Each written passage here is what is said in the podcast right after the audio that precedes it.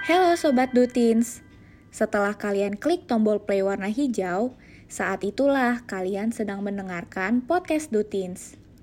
Yuk, mari kita dengarkan bersama-sama obrolan kita kali ini. Eits, jangan khawatir. Tentunya akan terselip tips-tips sederhana yang berguna loh untuk kita. Dengerin sampai habis ya. Selamat mendengarkan. Halo teman-teman, selamat datang kembali di podcast Dutins yang sudah memasuki season 2. Yeay. Nah, podcast kali ini akan dipandu oleh aku Faiz dan juga oleh teman aku yang nggak kalah keren pastinya, yaitu ada Augia. Halo Gia. Halo teman-teman semuanya. Nah, halo Sobat Tinzis, baik lagi bersama kita di Podcast Dutins. Nah, uh, by the way tadi seperti dibilang sama Kak Faiz ya teman-teman, jadi uh, podcast kali ini tuh spesial banget untuk season ini karena kita sekarang udah pergantian podcast nih, yaitu uh, jadi season 2, ya kan Kak Faiz? Iya, bener banget. Selain itu, uh, selain kita masuk season 2, tadi mungkin udah di-spill dikit sama Gia, kalau kita ada panggilan baru ya Gia? Iya dong, bener tuh. Apa tuh kira-kira Kak Faiz panggilan barunya? Iya, jadi uh, panggilan kita ke kalian udah bukan sobat lagi, tapi jadi Tinzis gitu. Tinzis teman-teman. Oke, nah mungkin pada season 2 kali ini nih kita bakal membicarakan mungkin uh, seputar obrolan santai gitu teman-teman. Nah, mungkin kali ini bisa dibilang untuk uh, tema season 2 kali ini kita akan bahas seputar college life dan pastinya kita bakal ngadirin narasumber yang pastinya cocok banget nih buat ditanya-tanyain soal hal ini gitu dan semoga dengan kehadiran narasumber uh, kali ini kita bisa menjawab uh, semua permasalahan atau keluh kesah teman-teman mungkin juga tentang perkuliahan seperti itu. Iya, benar banget. Nah, berhubung dengan uh, ngomongin seputar college life ya. Nah, kali ini kita akan ngebahas topik yang cukup hangat nih di kalangan anak-anak SMA. Yep, Karena uh, topik ini baru trending di akhir Maret kemarin, apalagi kalau bukan SNMPTN. Ya nggak, Gi? Iya, eh benar. Nah, oh iya ngomong-ngomong soal SNMPTN nih Kak Faiz, kemarin itu kan emang baru banget ada pengumuman gitu ya, dan aku mau ngucapin uh, selamat buat teman-teman yang udah keterima kemarin di SNMPTN, dan mungkin yang belum uh, keterima kemarin, uh, tetap semangat terus, jangan menyerah karena masih banyak banget jalan untuk ke depannya gitu, jadi tetap semangat terus, ya nggak Kak Faiz? Ya benar banget, jangan bersedih karena masih banyak uh, kesempatan lain yang bisa kalian coba, dan di episode kali ini kita akan ngebahas gimana caranya untuk keluar dari kesedihan karena SNMPTN dan kita akan kasih beberapa tips menarik ke kalian nih.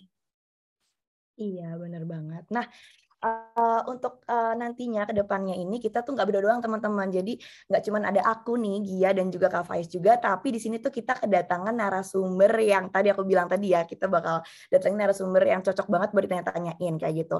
Dan mungkin kita bisa langsung panggil aja nggak sih Kak Faiz uh, narasumbernya. Halo Kak Davi. Halo Kak. Halo. Halo, halo. halo. Nah, mungkin ini Kak Davi bisa perkenalan dulu nih ke teman-teman Oke oke thank, uh, thank you terima kasih. Mungkin kalau misal perkenalan ya, halo semuanya, kenalin nama aku Davi Syarif Tanjung. Uh, sekarang tuh lagi kuliah di Universitas Indonesia jurusan Teknik Lingkungan. Nah kalau misal lagi sibuk apa ya umumnya sebagai mahasiswa ya kita kuliah dan belajar dan juga aktif di beberapa organisasi juga. Dan ya kalau misal buat IG tadi boleh banget juga sih di follow ada DAFFI TNJNG underscore underscore gitu. Kayak gitu sih. Oke, anak UI nih keren banget. Gimana nih Kak, uh, pendapat Kakak tentang PP nomor 75 tahun 2021? Aduh. Aduh, berat banget ya Pak pertanyaannya ya. Baru-baru banget kenalan disuguhin pertanyaan berat-berat nih teman-teman. Aduh, oke okay, ini mungkin uh, cool ya tadi udah Kak Davi udah kenalan, makasih Kak Davi. Nah mungkin karena juga tadi Kak Davi udah kenalan juga gitu dan udah dikasih ice breaking juga tadi sama Kak Faiz ya. Sangat ini ya pertanyaannya super berat sekali ya Kak jadi diskusi publik ya. Iya, iya. Tanya aja Kak. Tapi kalau mau jawab juga boleh kok. enggak, enggak.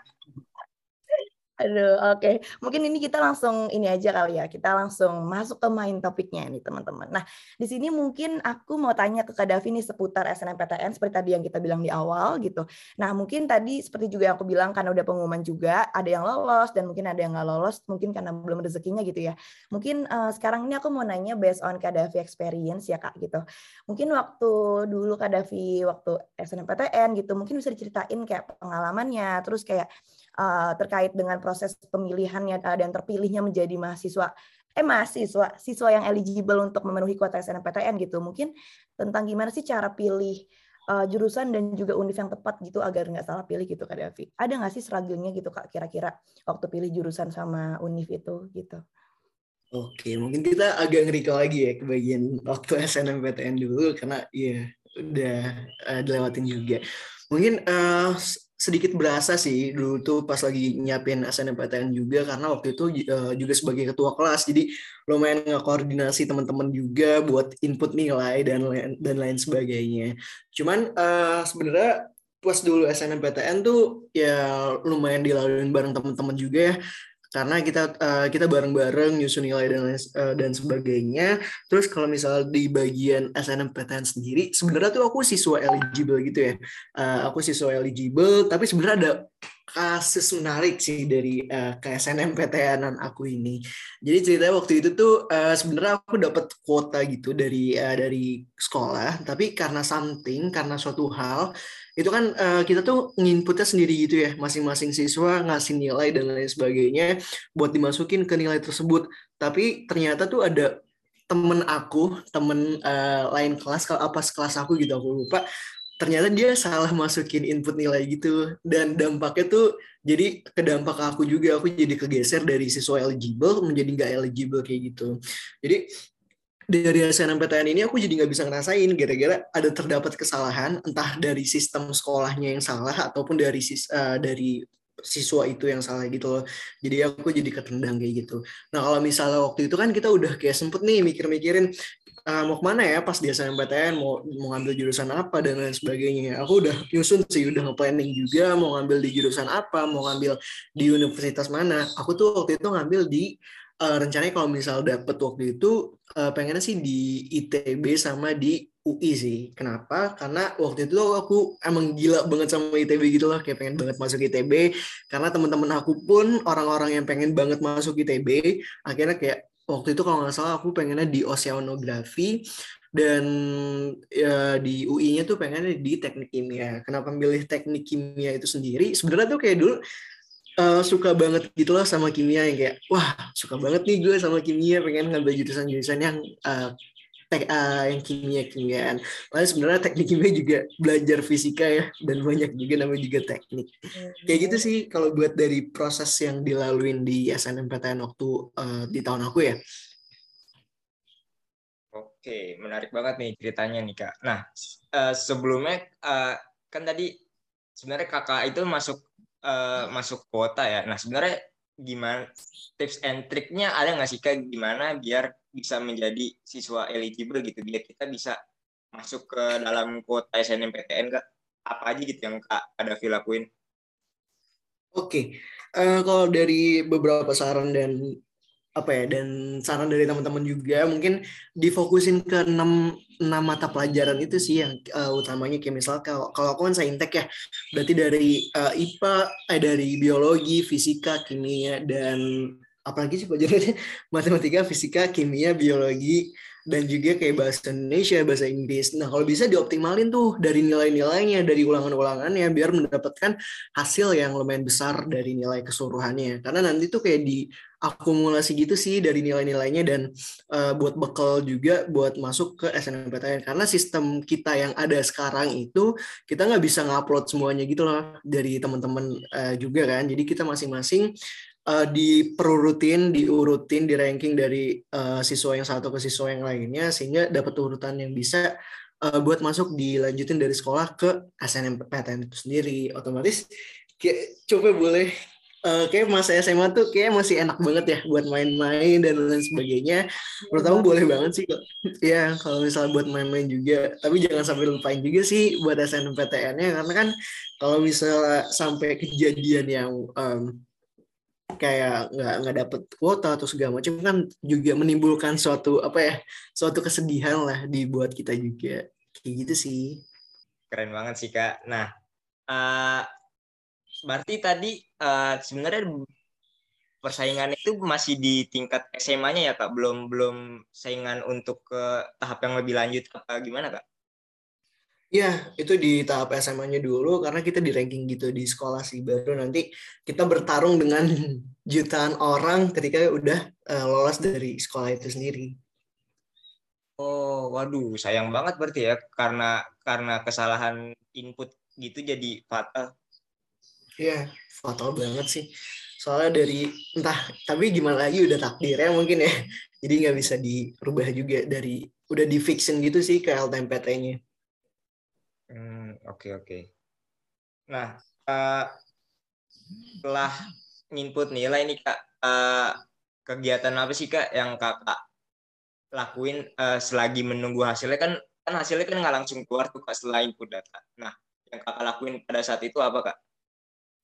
Yang dilakuin ya tentunya kan pas waktu masih kelas uh, 12 itu kan banyak ya ujian-ujian yang menanti gitu kayak ujian sekolah atau segala macam ya. Dan tentunya ada UTBK dan uh, ujian mandiri di depannya. Jadi dari aku sendiri sih uh, pas kemarin sambil nunggu pengumuman, aku tuh uh, nyiapin diri aku buat ujian sekolah, buat UTBK juga sih, cicil-cicil kayak gitu sih. Dan uh, sebenarnya kayak udah uh, ngeproyeksi ini mau uh, mau masuk lewat jalur mana dan lain sebagainya, kayak gitu sih. Oke, berarti uh, lebih fokus ke ujian-ujian sama mempersiapkan untuk UTBK ya kak? Betul. Nah, uh, perasaan kakak ketika nunggu hasil tuh gimana kak? Apakah deg-degan okay. atau biasa aja atau kayak gimana? Uh, udah lumayan lupa ya, cuman uh, rasanya kayaknya sih agak menanti-nanti juga dari pengumumannya itu karena kan kita nggak tahu hasilnya kayak gimana. Dan dari teman sendiri kan karena ada teman seperjuangan juga ya kayak kita bareng-bareng nentuin mungkin sama-sama deg-degan juga. Dan ketika hasilnya keluar itu tuh kayak Iya sedih ada sih, cuman nggak sampai yang kayak menderita depresi atau segala macam ya. Karena uh, di satu sisi juga ngeliat teman seperjuangan itu dan kita tahu gimana prosesnya dia, ternyata dia dapat, jadi lumayan senang juga karena uh, dia dapat kuota dan uh, dia dapat kuota. Dan dari aku sendiri sih sebenarnya nggak yang terlalu kayak depresi gitu ya. Karena dari awal aku masuk ke SMA bukan dari SMA sih maksudnya dari kelas 12 udah kayak dapat lumayan uh, wejangan lah dari kakak-kakak kelas atau dari teman-teman juga yang bilang kalau misalnya SNMPTN itu sebagai bonus aja gitu lah. Kayak nggak uh, usah ngegantungin dari seluruh seluruh harapan ke dalam SNMPTN karena uh, jujur di sekolah aku pun ada juga yang dia tuh peringkat satu atau segala macam ya di peringkat satu paralel juga nggak dapet gitu. Juga nggak dapet uh, apa namanya dapat uh, jadi siswa yang eligible tapi ketika diadu pun masih kalah juga sama yang lain. Jadi kalau menurut aku aku selalu nanamin prinsip kalau SNMPTN itu sebagai gift aja gitu. Kalau misalnya dapet ya alhamdulillah kalau misalnya enggak ya mau gimana gitu.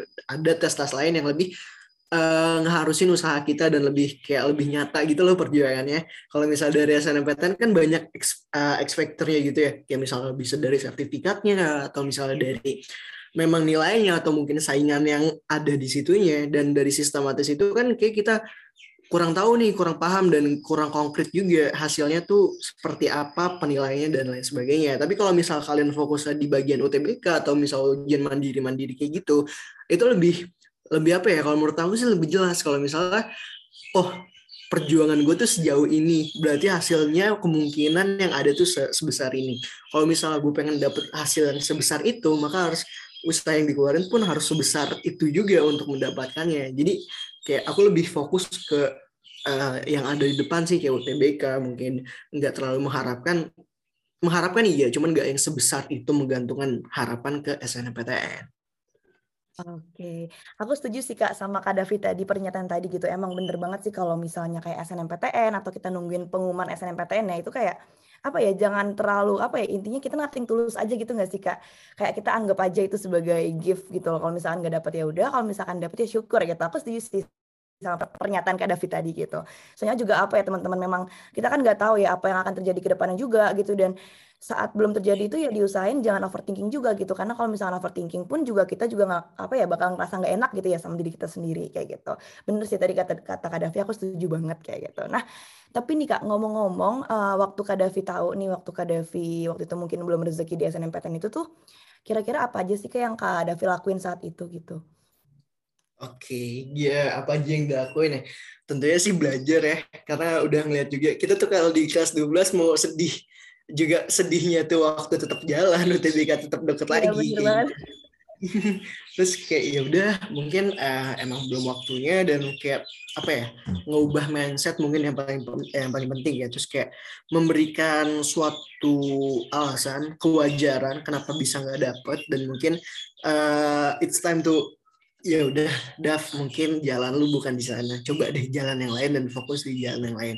Mungkin dari meyakinkan itu terlebih dahulu sih. Buat selanjutnya uh, mungkin yang aku paling kerasa sih ya setelah SNMPTN dan juga uh, mungkin dari teman kan masih ada teman seperjuangan juga kalau kita di kelas 12 itu utamanya aku nyari partner buat belajar bareng gitu loh. Jadi kayak aku sebisa mungkin Uh, walaupun temen aku sahabat aku itu dapat kuota SNMPTN, aku persuasifin dia buat ayo SNMPTN itu cuman give SNMPTN itu bukan segala-galanya coba deh belajar bareng ya kita belajar bareng biar ada rekan dan eh, dan uh, dan ada rekan buat mempersiapkan di UTBK-nya. Dan kenyataannya seperti itu. Dari aku punya temen yang bisa diajak belajar bareng, temen yang suportif, dia tuh bisa dibilang ya hampir setiap hari tuh aku ke rumahnya dia buat belajar bareng, apalagi waktu itu pas lagi online ya. Dan aku ke rumah dia belajar bareng bisa dari pagi ke sore ke malam kayak gitu. Dan dan itu sesuatu yang menurut aku yang sangat penting sih kalau misalnya kita pengen ngebangun diri kita yang uh, pengen masuk UTBK universitas-universitas bagus cara pertama tuh menurut aku ya cari lingkungan yang mendukung gitu. Karena kan banyak juga teman-teman yang mungkin ya kayak rada ngeledekin gak sih kalau misalnya kita belajar? Kayak lu ngapain sih belajar? Udah lah gak usah belajar. Mendingan main aja dulu sama kita dan sebagainya. Dan uh, aku ya kalau menurut aku aku di kelas 12 itu lumayan ngatur tuh masalah pertemanan itu. Aku mungkin punya temen yang memang benar buat main atau segala macamnya. Cuman di kelas 12 tuh aku agak menjaga jarak sih, bukan bukan 100% untuk apa ya menolak mereka gitu mungkin agak menjaga jarak sama mereka karena aku mencari rekan yang lain yang bisa aku ajak buat bareng-bareng buat uh, nyiapin UTBK biar aku tuh bisa sukses gitu istilahnya di UTBK-nya kayak gitu. Kayak gitu sih kalau menurut aku. Oke, cool. Nah, itu teman-teman mungkin bisa dicatat tips dari Kak Davi gitu ya, gimana tadi caranya apa ya, mengatasi keterpurukan gitu ya teman-teman. Nah, jadi tadi juga aku setuju juga sih sama pernyataan Kak Davi kalau misalnya itu sebenarnya lingkungan pertemanan itu penting banget ya Kak. Kalau untuk apalagi kalau misalkan kita mau berjuang gitu, kita emang harus punya support system lah istilahnya gitu. Mungkin uh, support system, support system itu nggak harus dari teman, bisa jadi dari pacar juga, juga bisa dari keluarga juga gitu. Jadi emang butuh banget lingkungan yang positif juga gitu, biar kita juga bisa semangat dan terus termotivasi gitu lah ya intinya ya Kak Davi ya. Betul. Mhm. Nah, uh, oke mungkin ini juga aku juga pengen tahu juga nih Kak. Nah, tadi kan karena aku udah lihat dari Kak Davi itu udah punya apa ya, maksudnya udah punya uh, banyak hal yang mungkin dari positif-positifnya Kak Davi gitu ya, udah punya kayak pikirannya positif untuk nanti ke depannya gitu-gitu, tadi nggak overthinking dan lain sebagainya. Nah, mungkin karena ini juga dari teman-teman yang lainnya tuh banyak yang mungkin ya, uh, apa namanya, butuh advice gitu atau mungkin uh, masih ngerasa terpuruk, masih ngerasa bahwa kayak mereka gagal kemarin karena mungkin nggak keterima SNMPTN gitu kan. Nah mungkin dari Kak Davi tuh ada nggak kayak sepatah dua kata gitu untuk teman-temannya gitu supaya mereka bisa semangat terus dan bisa bangkit dari itu gitu loh dan berjuang lagi untuk ke depannya gitu Kak. Mungkin dari Kak Davi ada nggak?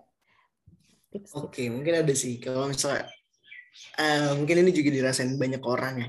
Kalau menurut aku ketika kita sedih, oke, uh, manusia biasa buat sedih dan itu sebuah uh, suatu yang naluri ya buat kita untuk sedih.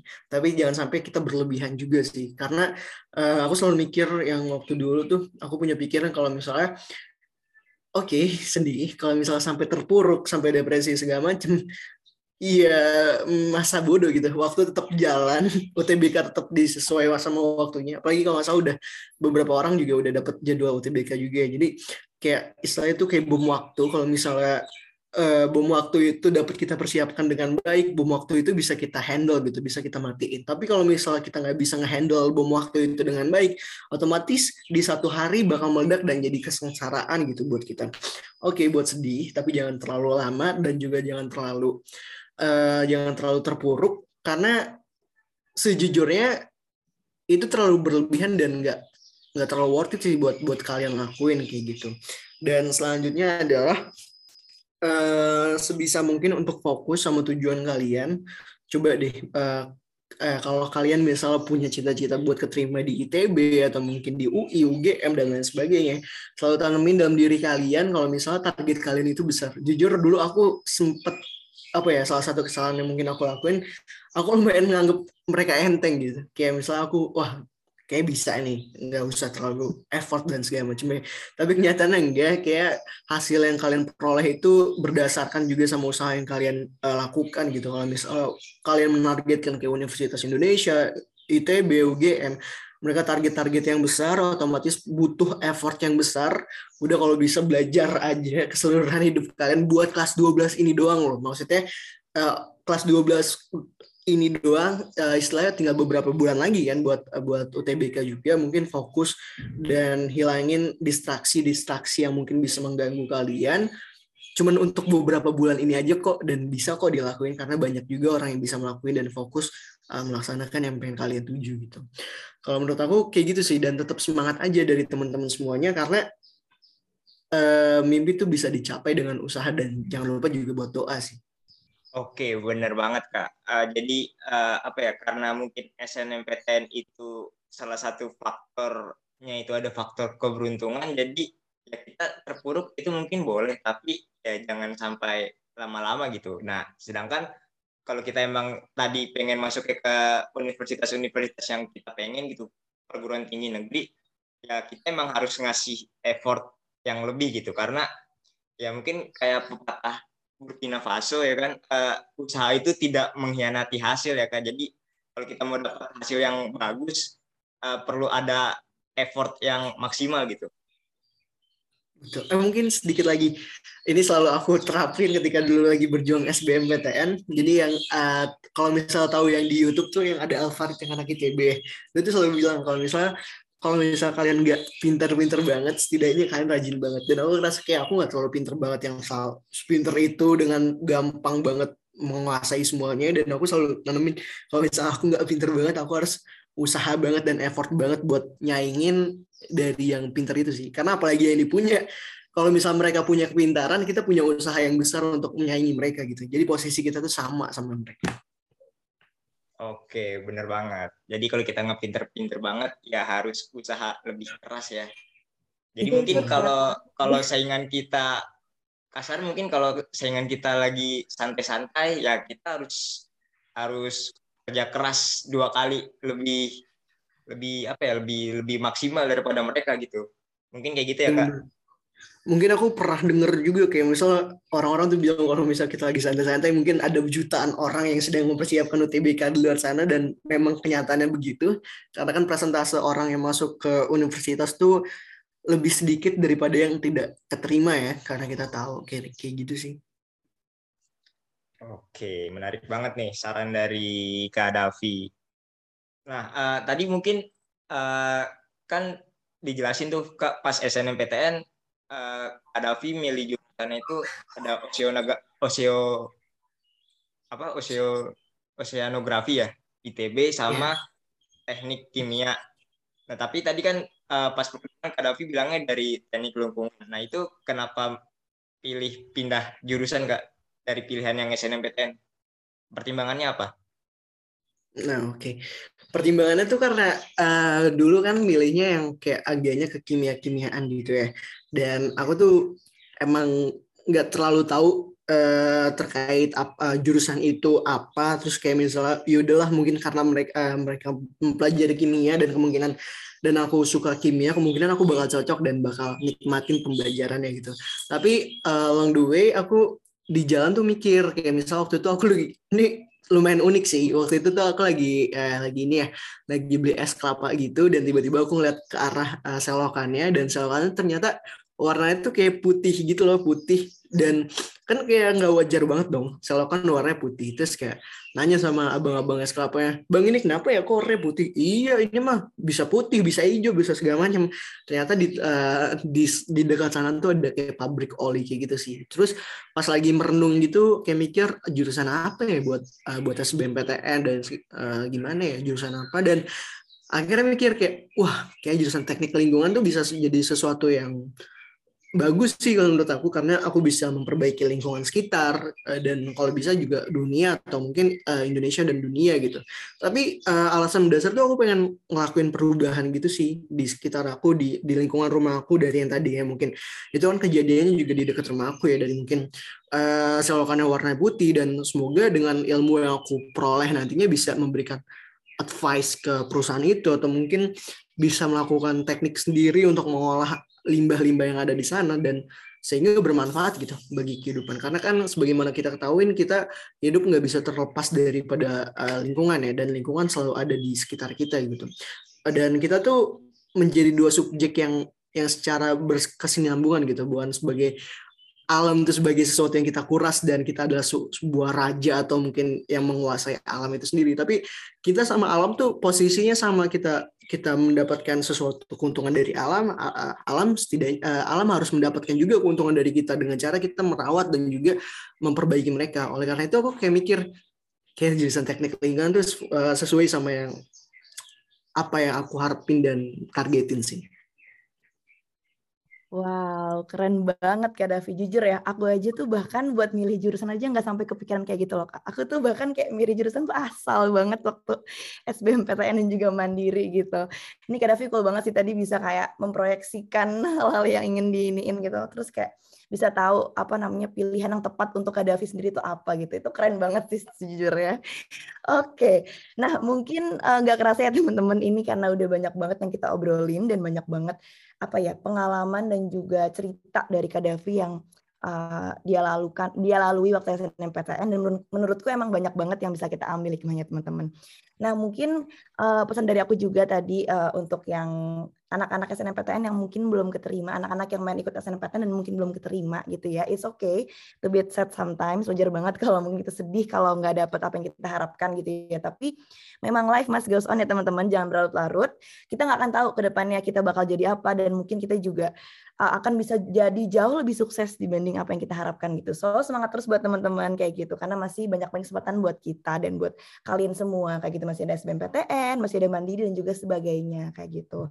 Nah, buat Kak Davi sendiri thank you so much udah apa ya sharing-sharing sama kita dan mau membagikan uh, ceritanya dan bahkan tadi udah kasih juga tips and triknya gitu. Dan makasih juga udah mau meluangkan waktunya untuk kita.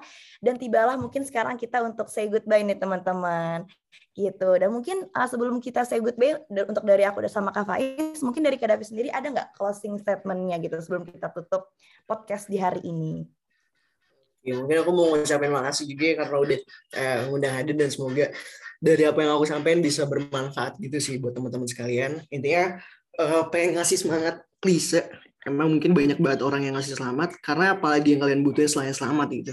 Karena salah satu yang membuat kalian bisa keterima di universitas-universitas yang kalian inginkan adalah uh, usaha kalian dan juga doa kalian sih. Dan juga uh, usaha kalian tuh uh, istilahnya kalian tuh berhadapan dengan diri kalian sendiri gitu. Bukan orang lain yang perlu kalian tackle atau segala macam ya. Tapi kalian berhadapan dengan diri kalian sendiri. Kemalasan sendiri gimana kalian bisa ngolah diri kalian pelajarilah bagaimana cara kalian belajar. Dan belajar itu ada caranya. Bagaimana kalian mengatur waktu dan sebagainya. Dan mungkin jangan lupa juga buat berdoa, buat mendekatkan diri kepada uh, Tuhan Yang Maha Esa. Dan juga jangan lupa buat minta restu dari orang tua, membantu orang lain. Dan juga uh, karena semua itu kayak bener-bener works gitu kayak itu ngebantu banget ketika kita ngebantu orang lain tuh nanti ada aja sesuatu yang bisa ngebantu kita. Entah mungkin kalian bisa kalau misal dari yang Islam bisa sedekah atau segala macam dan lain sebagainya. Dan itu menurut aku penting banget buat dilakuin dan yaudah semangat aja sih. Oke menarik banget. Terima kasih sekali lagi uh, Kak Davi buat uh, sharing-sharing serunya, sarannya, dan juga tadi closing statementnya. Semoga uh, apa yang udah Davi sharing-sharing ke kita itu bermanfaat buat uh, teman-teman semua. Oke, mungkin uh, itu aja pembahasan kita kali ini, teman-teman. Uh, terima kasih udah mendengarkan. Uh, aku, Gia, dan juga Davi pamit undur diri. Sampai jumpa di episode selanjutnya. Bye-bye. Sampai jumpa, teman-teman. Dadah. Dadah.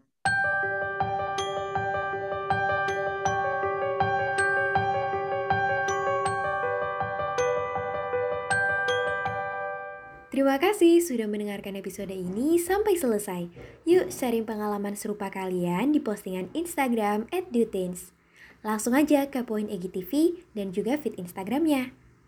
Dan terakhir jangan lupa untuk dengerin podcast Dutins episode yang lainnya. Pokoknya nggak kalah serunya deh. Sampai jumpa.